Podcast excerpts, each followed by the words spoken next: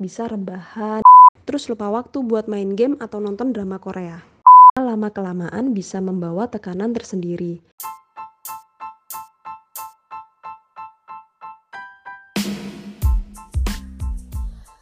Bismillahirrahmanirrahim Assalamualaikum warahmatullahi wabarakatuh Halo guys, apa kabar?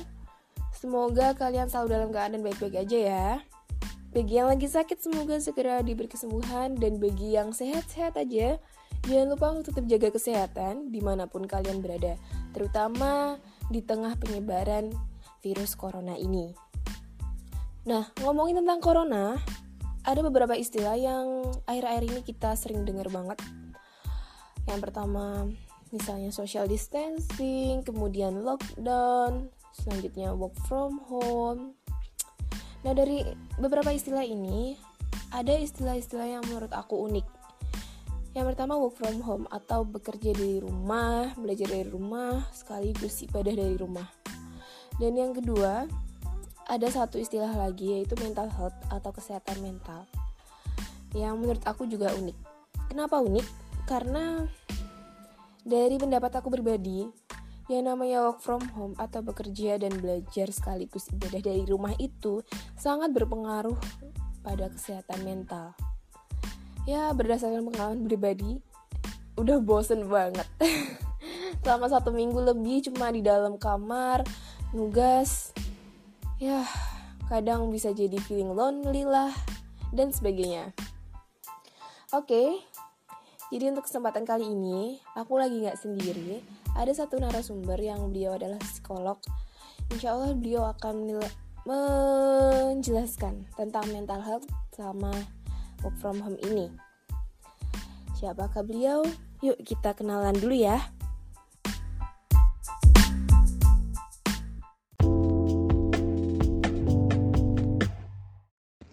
Assalamualaikum warahmatullahi wabarakatuh. Perkenalkan, nama saya Sarita. Saat ini profesi saya adalah sebagai seorang psikolog dan saya adalah salah satu psikolog penggiat layanan kesehatan mental yang bernama Teman Baik. Jadi, Teman Baik itu adalah layanan kesehatan mental dengan pendekatan psikologi Islam. Biasanya kegiatan-kegiatan kami adalah membuat kelas-kelas sharing, juga berbagi informasi mengenai kesehatan mental bersama teman-teman baik yang ada di panti. Teman-teman, saat ini kita sedang berhadapan dengan kondisi yang mengharuskan kita untuk melakukan social distancing untuk menghindari penularan virus COVID-19 yang mungkin mengharuskan sebagian dari kita untuk stay at home, bahkan juga work from home atau yang biasa disingkat dengan WFH. Kenapa saya bilang sebagian? Karena masih ada teman-teman kita di luar sana yang tetap harus bekerja di luar rumah karena ya memang tempat kerjanya mungkin tidak mengeluarkan kebijakan untuk bisa WFH. Nah, bagi teman-teman yang WFH, hal ini pasti akan mengubah pola hidup sehari-hari. Karena himbauan untuk WFH ini adalah benar-benar untuk tinggal di rumah. Bukan kemudian kita bisa liburan atau bekerja dari kafe karena memang harapannya benar-benar stay at home. Perlu persiapan juga untuk WFH ini karena mungkin di awal-awal kita akan mengalami sebuah pola yang berbeda dari biasanya. Mungkin yang biasanya harus bangun pagi, sarapan, pagi-pagi sudah harus berangkat ke kantor, macet-macetan, pulang sore, dan seterusnya. Tapi kali ini semua harus dilakukan di rumah. Jadi mungkin untuk awal-awal rasanya agak sedikit melegakan. Karena kita nggak harus buru-buru berangkat ke kantor, nggak harus macet-macetan, bisa istirahat kapan pun. Nah, tapi lama-kelamaan pola yang baru ini bisa saja mengganggu kenyamanan kita. Karena misalnya kalau di tempat kerja kita akan bersama orang-orang yang sama-sama bekerja. Tapi di rumah kita akan bersama orang-orang dengan ritme kesehariannya. Misalnya orang tua, pasangan, atau juga anak-anak yang saat ini juga sedang diminta untuk belajar di rumah kondisi tempat untuk bekerja yang kurang kondusif, lalu jam kerja yang mulai terasa tidak teratur, kemudian komunikasi yang terjalin dengan keluarga selama sedang bekerja, itu semua lama-kelamaan bisa membawa tekanan tersendiri dan bisa jadi akan mengganggu kesejahteraan atau kesehatan mental kita. Padahal, kesehatan mental kita juga penting untuk dijaga pada kondisi sekarang, sama seperti kita menjaga kondisi fisik kita. Karena kesehatan mental dapat berpengaruh pada imun tubuh kita, dan kita butuh imun yang baik di kondisi sekarang untuk bisa melawan virus. Nah, benar kan yang namanya kesehatan mental itu juga penting, guys. Nggak cuma sekedar fisik, tapi kesehatan mental pun tetap harus kita jaga. Anyway, ada beberapa fakta yang menurut aku unik dan baru-baru ini muncul. Yang pertama, beberapa orang rasa parno dengan kondisi ini dan akhirnya mereka borong bahan-bahan makanan. Gak cuma bahan makanan, tetapi alat kesehatan pun juga. Seperti masker, kemudian hand sanitizer, dan lain sebagainya. Aku gak tahu ya, kalian ini termasuk tim yang suka borong atau enggak. Beberapa pun juga ada yang ngerasa Parno karena nggak bisa pulang. Nggak bisa pulangnya kalau mau pulang itu takut malah bawa virus. Tapi kalau stay di sini, stay di perantauan, ya bosen juga. Jadi itu serba salah. Belum lagi beberapa sekolah itu ada yang udah menerapkan kebijakan untuk melakukan belajar daring atau belajar online sampai bulan Juni loh guys. Dan beberapa kantor uh, yang mereka shift-shift itu pun juga ada yang sudah mengurangi jadwal masuknya. Semakin bosan ya. Oke lah kalau gitu kita minta pendapat dari psikolog Sarita Matulu dulu ya. Setiap keputusan atau kebijakan tentunya akan memiliki dampak positif dan negatif. Nah, apa aja sih dampak positif dan negatif dari work from home ini? Dampak positifnya antara lain, kita punya waktu yang lebih fleksibel untuk bekerja. Kita bisa menentukan sendiri jam kerja kita, dan rasanya seperti kita jadi pemimpin untuk pekerjaan kita sendiri. Karena biasanya mungkin kita ngikutin jam kantor, harus tepat waktu, pulang juga tepat waktu, belum lagi ntar macet-macetannya di jalan, dan semua itu tidak akan kita rasakan ya karena kita sedang bekerja di rumah yang bisa kita tentukan sendiri jamnya. Lalu kita mungkin bisa menentukan sendiri kapan kita bisa istirahat. Kalau misalnya kerasa capek, kita bisa rebahan sebentar. Kalau misalnya haus, pengen minum kopi atau teh tinggal ke dapur kalau lapar kita bisa tinggal ambil makanan yang semua itu mungkin tidak bisa kita lakukan ketika kita ada di kantor terus kita bisa punya waktu yang lebih banyak untuk berkumpul dengan keluarga nah apa aja dampak negatifnya yang pertama bisa jadi kita mengalami stres atau tertekan karena pola kerja yang berubah Lalu motivasi kerja kita bisa menurun karena itu tadi lingkungan kerjanya juga berubah. Biasanya kita bekerja dengan sesama pekerja. Jadi kalau sama-sama bekerja semua kan rasanya bisa lebih ikut termotivasi gitu ya. Tapi kalau dari rumah kita kan rasanya kerjanya jadi kerasa sendirian. Terus mungkin bisa jadi kita tergoda untuk bisa rebahan kayak gitu. Nah, itu bisa membuat motivasi kerja kita juga ikut menurun. Terus mungkin juga muncul rasa kesepian karena perubahan pola hidup itu tadi ya. Dan mungkin pada beberapa orang juga jadinya berdampak pada penghasilan. Oh my god, ngomong tentang rebahan tuh emang gue banget deh. Mbaknya ini emang tahu. Kalau buat yang anak rantau atau anak kosan kayak aku nih, memang kasur tuh kadang lebih menarik daripada laptop. Iya enggak? Karena secara ya paling ngerjain itu di mana di kamar, kalau nggak di ruang tamu kosan. Belum lagi kalau di kamar, dikit-dikit bobo, dikit-dikit bobo. Dan untuk yang di rumah juga kadang harus ngajarin anaknya lah atau kadang diganggu lah sama anaknya atau sama saudaranya atau mungkin orang tua minta bantuan apalah dan segala macam itu kadang bingung juga sih biasanya ngobrol kan sama temen terus sekarang mau nggak mau harus sendiri ngobrolnya tuh lewat via chat atau video call dan itu benar-benar perubahan yang drastis banget yang harus kita rasain saat ini Wedew. nah maka dari itu di sini ada tiga tips secara umum tips ini tuh sebenarnya tipsnya nggak cuma satu sih, ada beberapa. Tapi dibagi tiga. Yang pertama untuk yang work from home dan kedua untuk teman-teman yang lagi kuliah daring atau kuliah online. Dan yang ketiga tips untuk teman-teman yang lagi nggak bekerja dari rumah. Jadi yang mau nggak mau harus tetap keluar. Ini dia ada tipsnya dari Mbak Sarita Matulu.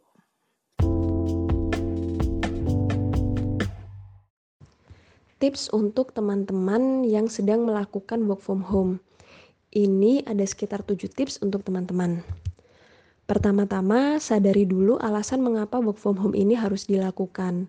Teman-teman perlu landasan kuat dulu untuk paham tujuannya mengapa work from home ini penting untuk dilakukan. Dan sadari bila ada perasaan tidak nyaman atas kondisi ini. Gak apa-apa, itu adalah perasaan yang wajar akibat adanya perubahan psikis kita sedang beradaptasi dengan perubahan kondisi yang ada. Kemudian, kedua, buat jadwal kerja dan bicarakan itu pada keluarga. Jadi, walaupun di rumah, tetap bikin jadwal kerja ya, teman-teman. Dan bila pasangan juga sedang melakukan aktivitas work from home, plus ada anak yang belajar dari rumah, maka buat kesepakatan tentang pembagian waktu dalam aktivitas bekerja dan kegiatan mendampingi anak. Keduanya, baik ayah atau ibu, perlu bekerja sama dan berusaha disiplin dengan jadwal yang sudah dibuat.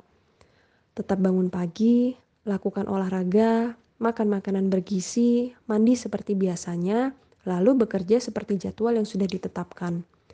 Gak perlu seketat saat bekerja di kantor sih.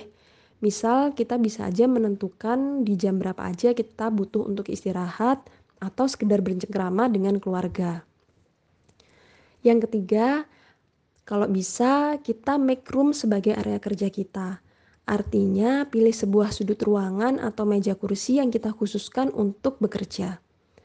Empat, lakukan video call atau tetap jaga silaturahim dengan teman-teman kerja supaya tetap merasa dekat dan tetap merasa sedang bekerja bersama-sama. Lima, Kemudian sadari bahwa mungkin work from home ini akan mempengaruhi kondisi keuangan keluarga. Maka komunikasikan itu pada keluarga atau pasangan dan upayakan untuk membuat pos-pos pengeluaran agar dana tetap terkontrol. Dan sisihkan sebagian penghasilan sebagai dana darurat. 6. Buat kegiatan yang menyenangkan bersama keluarga. Juga lakukan aktivitas positif yang kita sukai yang mungkin selama ini sulit kita lakukan selama bekerja di luar rumah. Juga jangan lupa istirahat ya. 7. Perbanyak kegiatan yang bisa meningkatkan spiritualitas kita, seperti sholat, baca Quran, untuk membantu menjaga ketenangan hati kita. Untuk teman-teman kuliah, sepertinya kampus-kampus juga sudah menerapkan sistem belajar di rumah atau kuliah online ya. Jadi, teman-teman juga dihimbau untuk melakukan social distancing atau di rumah aja. Tapi walaupun nggak masuk kuliah, tetap aja bukan berarti liburan atau bisa mudik. Makanya ada teman-teman dari luar kota yang masih harus tetap tinggal di kos. Terus bukan berarti juga bisa keluar buat garap tugas atau nongkrong di kafe. Nah, makanya teman-teman yang duduk di bangku kuliah juga penting banget buat menjaga kesehatan mentalnya di kondisi sekarang. Gimana caranya? Caranya antara lain yang pertama, sadari kenapa pentingnya teman-teman harus tinggal di rumah aja dalam kondisi sekarang. Yang kedua, usahakan untuk tetap bangun pagi, jaga kesehatan dengan makan makanan bergizi, olahraga, berjemur, dan jangan lupa mandi ya. Yang ketiga, Bikin jadwal harian aktivitas apa aja yang akan teman-teman lakukan di setiap harinya. Bagi waktunya teman-teman untuk kuliah secara online, mengerjakan tugas, atau melakukan aktivitas positif yang teman-teman sukai seperti membaca buku, nulis, atau yang lainnya. Yang keempat, batasi penggunaan handphone terutama media sosial. Saring informasi yang masuk agar teman-teman tidak merasa cemas atau was-was karena banyaknya berita yang diterima atas kondisi sekarang. Yang kelima, keep kontak dengan sahabat, teman-teman, atau keluarga tersayang sekedar untuk berbagi cerita baik yang menyenangkan. Yang keenam, perbanyak aktivitas beribadah supaya hati kita menjadi tenang dengan selalu mengingat Allah. Yang terakhir, istirahat yang cukup ya. Jangan karena nggak kuliah, terus lupa waktu buat main game atau nonton drama Korea.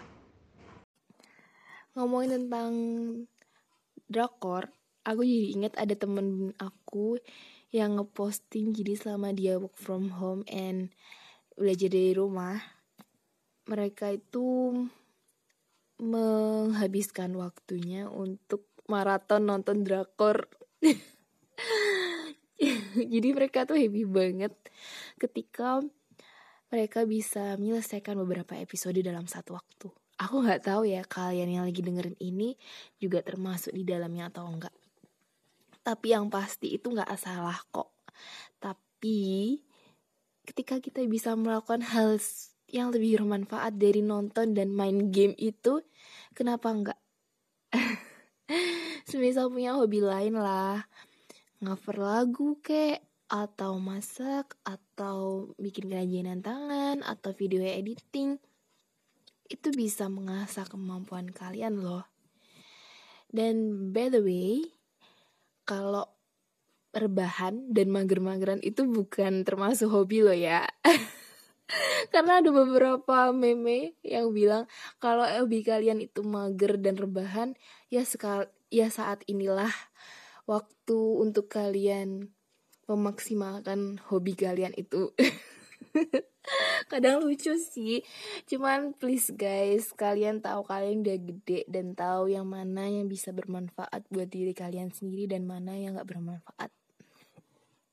Dan satu lagi, ada yang menarik nih tentang mudik atau nggak mudik. Ya balik lagi sih ke kata Mbak Sarita tadi. Jadi dari masing-masing kita sendiri harus sadar tentang pentingnya stay at home. Kenapa? Karena itu untuk minimalisir kan. Kalian tahu kan?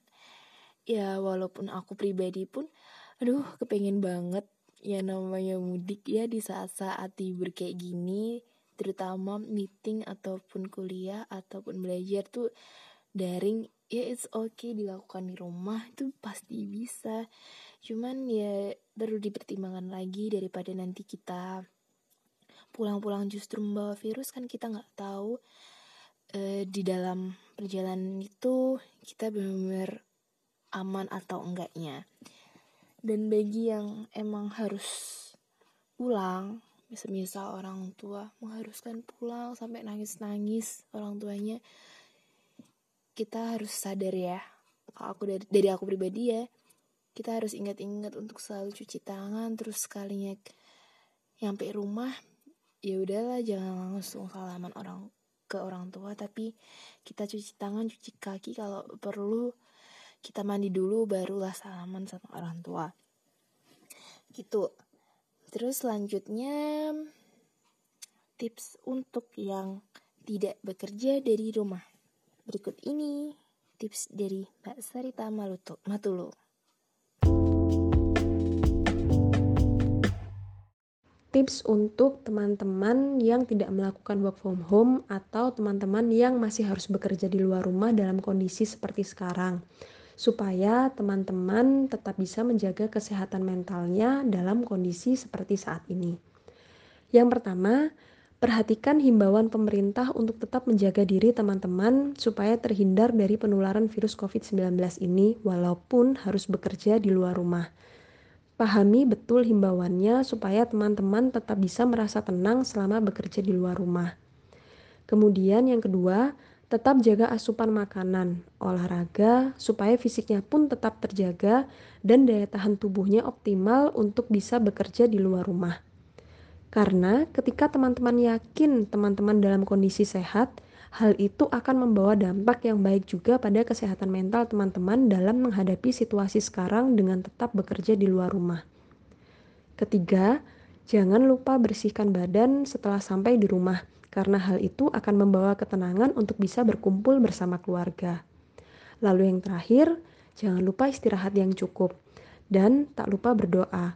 Dekatkan diri pada Allah supaya teman-teman semakin yakin bahwa Allah akan selalu memberi perlindungan selama teman-teman bekerja di luar rumah.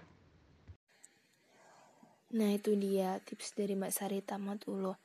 Jadi entah kita yang work from home kah atau yang worknya nggak di rumah kah tetap harus beribadah dan jangan lupa untuk tetap meminta perlindungan dari Allah supaya kita dijauhkan dari virus ini dan virus ini. Semoga cepat berakhir. Amin amin. Nah guys balik lagi ya ke teman-teman yang nggak work from home. Mungkin kalian juga yang lagi dengerin ini. Aku tahu mungkin kalian dari kalangan tenaga medis kah? Atau mungkin beberapa dari yang bisnis UKM ya I know. Itu berat kalau misalkan khususnya nih ya yang bukan tenaga medis. Kalau nggak kerja ya udah nggak ada uang nggak ada pemasukan kan? Ya aku tahu. Dan semoga kalian selalu dalam perlindungan Allah di mana pun kalian berada. Buat yang work from home kita bisa loh bantu buat mereka-mereka yang nggak work from home. Misal kayak ojol Tadi aku baca sih satu tips yang menarik. Dan sebenarnya itu juga pemikiranku di jauh-jauh hari sekitar bulan Desember sebelum ada corona ini. Jadi, ini khususnya untuk ojol loh ya. Ketika kita memiliki harta yang lebih, kenapa enggak kan kita untuk berbagi? Kalau untuk tangga nih, misalkan kita punya makanan ya apa salahnya sesekali kita bagikan makanan ke mereka terutama untuk mereka yang nggak punya. Dan untuk balik lagi ke yang ojol ya. Semisal kita lagi pesan makan online kita lebihkanlah satu porsi. Misalkan kita pesannya tuh dua porsi. Sesekali lah pesen tiga porsi yang satu porsi untuk mamangnya. Kasihan mereka. Kasihan teman-teman kita yang lagi berjuang harus cari nafkah dan harus keluar di tengah menyebarnya virus corona ini. Insya Allah yang namanya sedekah itu bakal balik lagi kok ke kita. Dan ibaratnya itu kalau orang bilang itu istilahnya tolak balak ya. Insya Allah kok itu akan sangat bermanfaat banget dan jangan pelit-pelit di saat kayak gini. Walaupun kita tahu ya namanya perekonomian itu bisa sangat beresiko banget untuk turun. Tetapi yang namanya charity yang namanya amal seperti yang kita tahu tadi sih ya insya Allah akan balik lagi ke diri kita sendiri selama kita percaya itu tadi sedikit informasi yang bisa saya bagikan. Harapannya dari sedikit informasi tersebut bisa membantu menjaga kesehatan mental teman-teman, baik teman-teman yang sedang melakukan aktivitas work from home maupun teman-teman yang masih harus bekerja di luar rumah. Memang mungkin rasanya tidak mudah ya untuk berhadapan dan menerima kondisi seperti sekarang. Maka, selain menjaga kesehatan fisik, penting juga untuk kita menjaga kesehatan mental. Ini ada tiga hal yang penting untuk kita lakukan dalam upaya menjaga kesehatan mental kita di kondisi seperti sekarang. Yang pertama, saring informasi yang kita terima terkait virus COVID-19 ini, karena derasnya arus informasi dapat mempengaruhi kesehatan mental kita. Dua, patuhi himbauan pemerintah tentang bagaimana sikap kita dalam menghadapi virus COVID-19 ini, supaya kita semua bisa sama-sama saling menjaga agar tidak tertular atau menularkan.